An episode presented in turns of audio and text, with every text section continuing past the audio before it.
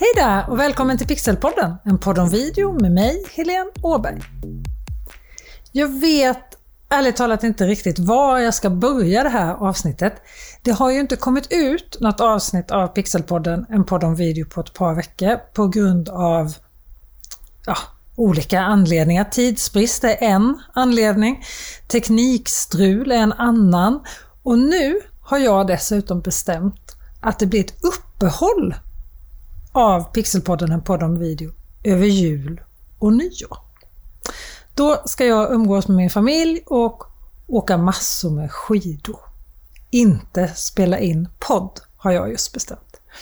Ja, det här var ju inte en jättemunter start på ett poddavsnitt kanske, så jag ska passa på att läsa upp ett betydligt muntrare mail. Alltså det här är ett helt fantastiskt mail som jag fick förra veckan från Åke. Åke skriver så här. Hej Helene! Jag har lyckats lyssna på samtliga av dina poddar. Alltså Åke, det här är helt otroligt. Du har lyssnat på alla 79 avsnitt. Det här är avsnitt 80. Du har alltså lyssnat på 79 avsnitt med mig. Jag blir helt rörd. Åke fortsätter.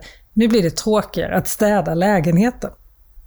Mina favoritavsnitt är Nummer 9, färger. Ett mycket intressant avsnitt skriver Åke. Och det här är alltså vad olika färger symboliserar för något och vad de får för undermedveten betydelse för tittaren. Nummer 23, GDPR. Du lyckades på ett enkelt sätt att förklara det hela. Och just avsnitt 23 är faktiskt en intervju med Jeanette Gustavsdotter som numer, det var hon inte då, men som numer är Sveriges kulturminister. Åke fortsätter med sina favoritavsnitt. Nummer 60 med Jannis Politidis. Helt underbart, skriver Åke. Jannis Politidis är fotograf som jobbar en hel del med humor och video på LinkedIn. Nummer 63, filformat och videokodek. Det är samma problem i mitt arbete med telefoni, skriver Åke. Nummer 67, David Stavegård. Hela han utstrålade energi. Ja, och är det någonting som David Stavegård, Excel-experten, utstrålar så är det verkligen energi. David har under flera år jobbat med video på LinkedIn. En video i veckan, varje vecka i tre års tid. Och han gör det väldigt, väldigt engagerat kan man minst sagt säga. Nummer 76 gillar Åke. Det avsnittet med Per-Erik. Jag hade jättekul när detta spelades upp, skriver Åke. Det är alltså en intervju som jag gör med min egen man, Per-Erik Åberg, meteorologen på SVT, där han pratar om att hur man agerar framför kameran när man vill visa saker. Och vad man ska tänka på när man vill visa någonting framför kameran. Hoppas att du fortsätter länge till. Hälsningar Åke. Alltså Åke, du anar inte hur glad jag blev av ditt mejl och jag lovar, jag ska fortsätta. Men det blir ett uppehåll över jul och nyår. Sen är Pixelpodden en podd om video tillbaka. Men alltså gissa om jag blir glad. Och Åke ger ju dessutom dig en hel del tips på avsnitt som du kan lyssna på om du inte redan har gjort det. Ett annat avsnitt som tillhör mina favoriter som du kan passa på att lyssna på nu när du kanske går igenom året som har gått och lägger upp planer för 2022. Det är att lyssna på avsnitt 55 med Natasha Rydell. Hur du skapar en sociala mediestrategi. Hon är verkligen grym på det hon gör Natasha, så det är ett otroligt lyssningsvärt avsnitt om du inte redan har hört det. Och har du lyssnat så kan det vara värt att lyssna igen. I det här avsnittet vill jag också passa på att svara på lite frågor som jag har fått av er lyssnare. Hannes skriver till exempel så här i Facebookgruppen med samma namn som podden, Pixelpodden, en podd om video, som du förstås jättegärna får gå med i om du inte redan är med. Hannes skriver, jag undrar, om jag vill intervjua någon med mobilen, finns det någon möjlighet att koppla två eller fler myggor till telefonen. Om inte finns det någon bra handhållen mikrofon man skulle kunna använda. Och Det som är så bra med den här Facebookgruppen, Pixelpodden, en podd om video, är att det finns över 300 personer i den här gruppen som alla är intresserade av att göra bättre video till sociala medier.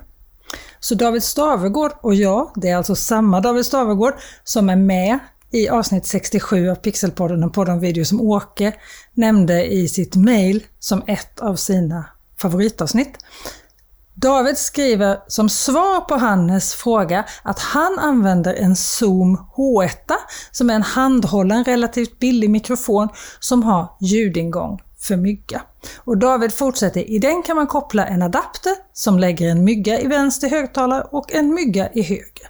Då kan man sedan i post production splitta ljudet till två filer. Det blir inte superduper jätteperfekt, men det duger för enklare Youtube-klipp och sånt.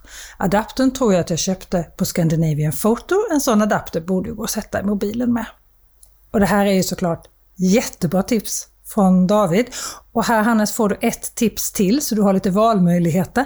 För du kan också koppla in en Röde Wireless Go 2 i din telefon. Du behöver en adapter mellan mottagaren på den här trådlösa mikrofonen och din telefon, men det funkar alldeles utmärkt. Då får du två trådlösa system som du kan sätta en mygga i varje del. Så har du två myggor kopplade till din mobiltelefon. Den här röda Wireless Go Sändarna på den har en inbyggd mikrofon i sig, men de tycker jag är ganska dåliga om jag ska vara ärlig.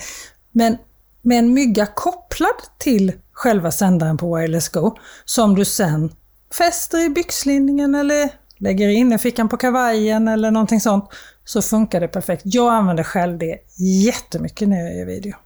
Och Hannes har tidigare frågat i den här Facebookgruppen om det går att koppla så mycket som tre myggor till en telefon. Men där går jag nog faktiskt bet, i alla fall om man ska göra det på ett enkelt sätt. För då hamnar du i att spela in ljudet separat och synka det i efterhand och sådär. Och det kan du göra, men det tar tid. Hannes, jag hoppas att du har fått svar på dina frågor. I fredags var jag inbjuden att vara gäst hos LinkedIn-experten Linda Björk i en livesändning tillsammans med flera kompetenta kvinnor inom kommunikation och LinkedIn. Och då fick jag frågan hur lång en video ska vara i sociala medier. Och det är en fråga som jag har fått flera gånger från er lyssnare också. Och jag vet att jag har pratat om det här förut, men det tål att upprepas. Hur lång en video ska vara? Ja, det rätta svaret är förstås så lång som den är bra. Men det finns både forskning och undersökning gjord på just det här med längd och video. Så även om just det här är en fråga som gärna får svaret hur långt det är ett snöre, så finns det faktiskt riktlinjer som du kan förhålla dig till. Och då menar jag förhålla dig till, inte följa slaviskt. Det amerikanska företaget HubSpot har gjort en undersökning där de jämförde längd på en video med hur mycket engagemang den får på olika plattformar. Alltså hur många kommentarer, likes och delningar videon får. Och det här är något som alla olika sociala mediers berömda algoritmer värdesätter jättehögt eftersom de vill att vi ska vara sociala och engagera oss i varandras innehåll. Och resultatet i HubSpots undersökning skiljer sig, inte helt oväntat förstås, mellan olika plattformar. På Instagram, i flödet, får en video som är 26 sekunder mest engagemang. 26 sekunder. Så det är inga dokumentärfilmer här inte. På Facebook kan du vara lite längre. En minut långa videos får mest engagemang på Facebook enligt HubSpot. LinkedIn var inte med i den här undersökningen när den gjordes, men min egen erfarenhet är att cirka en minut långa videos får mest engagemang även på LinkedIn. På Youtube är det två minuter långa videos som får mest engagemang enligt den här undersökningen. Och som jag sa, se inte det här som regler, men ha det i bakhuvudet när du gör din video. Håll det kort och koncist på Instagram och gör lite längre videos till Youtube. Och när du lär ut någonting så är det ju lätt att tro att du kan göra riktigt långa videos med motiveringen att tittaren är verkligen intresserad av det du berättar. Och det är sant det, de är ju verkligen intresserade av det du berättar och du kan göra längre videos än två minuter på Youtube. Men enligt australiensiska undersökningar, och i Australien har man ju länge jobbat med videoundervisning på grund av de här jättelånga avstånden som man har mellan människor i vissa områden där. Och det har visat sig att även om eleverna är intresserade av ämnet, så efter cirka 6-7 minuter så zoomar eleverna ut och tankarna börjar vandra iväg och de tappar fokus. Och jag är faktiskt inte så förvånad att det är just 6-7 minuter som forskarna kommer fram till. När jag pluggade filmvetenskap för massa år sedan så vet jag att vi klockade biofilmer som ett experiment. Och just var sjunde minut hände någonting nytt i filmen. En ny karaktär presenterades, eller man bytte miljö eller scenografi, eller något stort hände i handlingen som drev filmen framåt. Gick det längre än sju minuter mellan att någonting speciellt hände, som det jag nyss nämnde, så upplevdes filmen ofta som långsam, seg och lite tråkig. I mina webbutbildningar, både i webbutbildningen Lyckas med live och webbinar och i webbutbildningen Kommunicera med video i sociala medier och filma som proffs med din mobil, så försöker jag hålla varje videolektion under sju minuter. Jag lyckas förstås inte varje gång, men som jag sa tidigare, det här är ingen lag, det är bra riktlinjer att ha med sig. Ann-Marie har skrivit till mig på Instagram, på Stockholm Pixelhouse heter jag där, och har frågat hur man vet att man har uppfyllt webbdirektivet med sin video. Och jag förutsätter att Ann-Marie jobbar på någon form av statlig myndighet, kommun eller liknande eftersom hon frågar om just webbdirektivet. Det framgår faktiskt inte av hennes Instagramkonto var hon jobbar.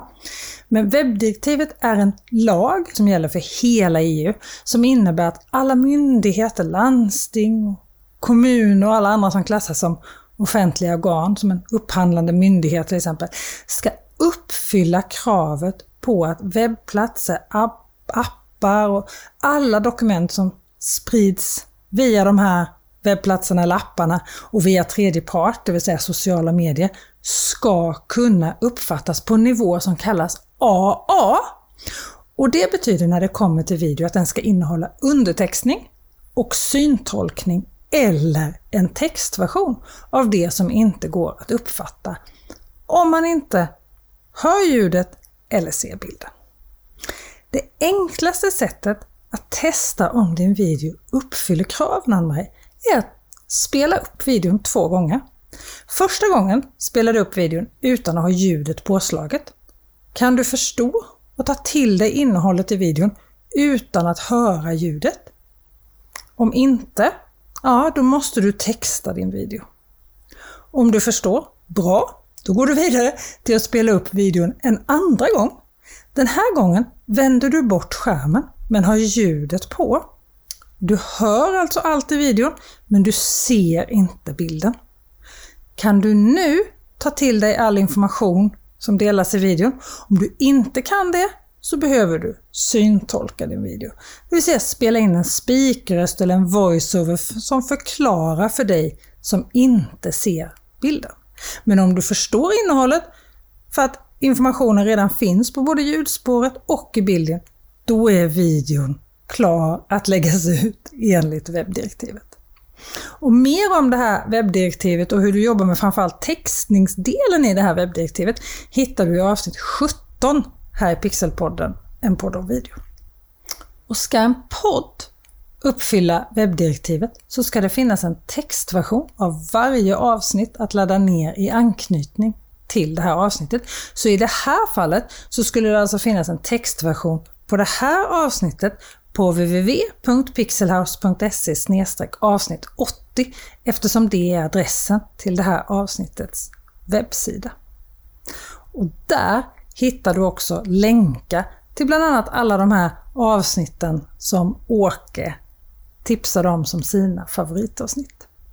Med det sagt så vill jag passa på att önska dig en riktigt god jul och ett gott nytt år. Så hörs vi om du vill nästa år igen. Ha det så bra till dess. Hej då!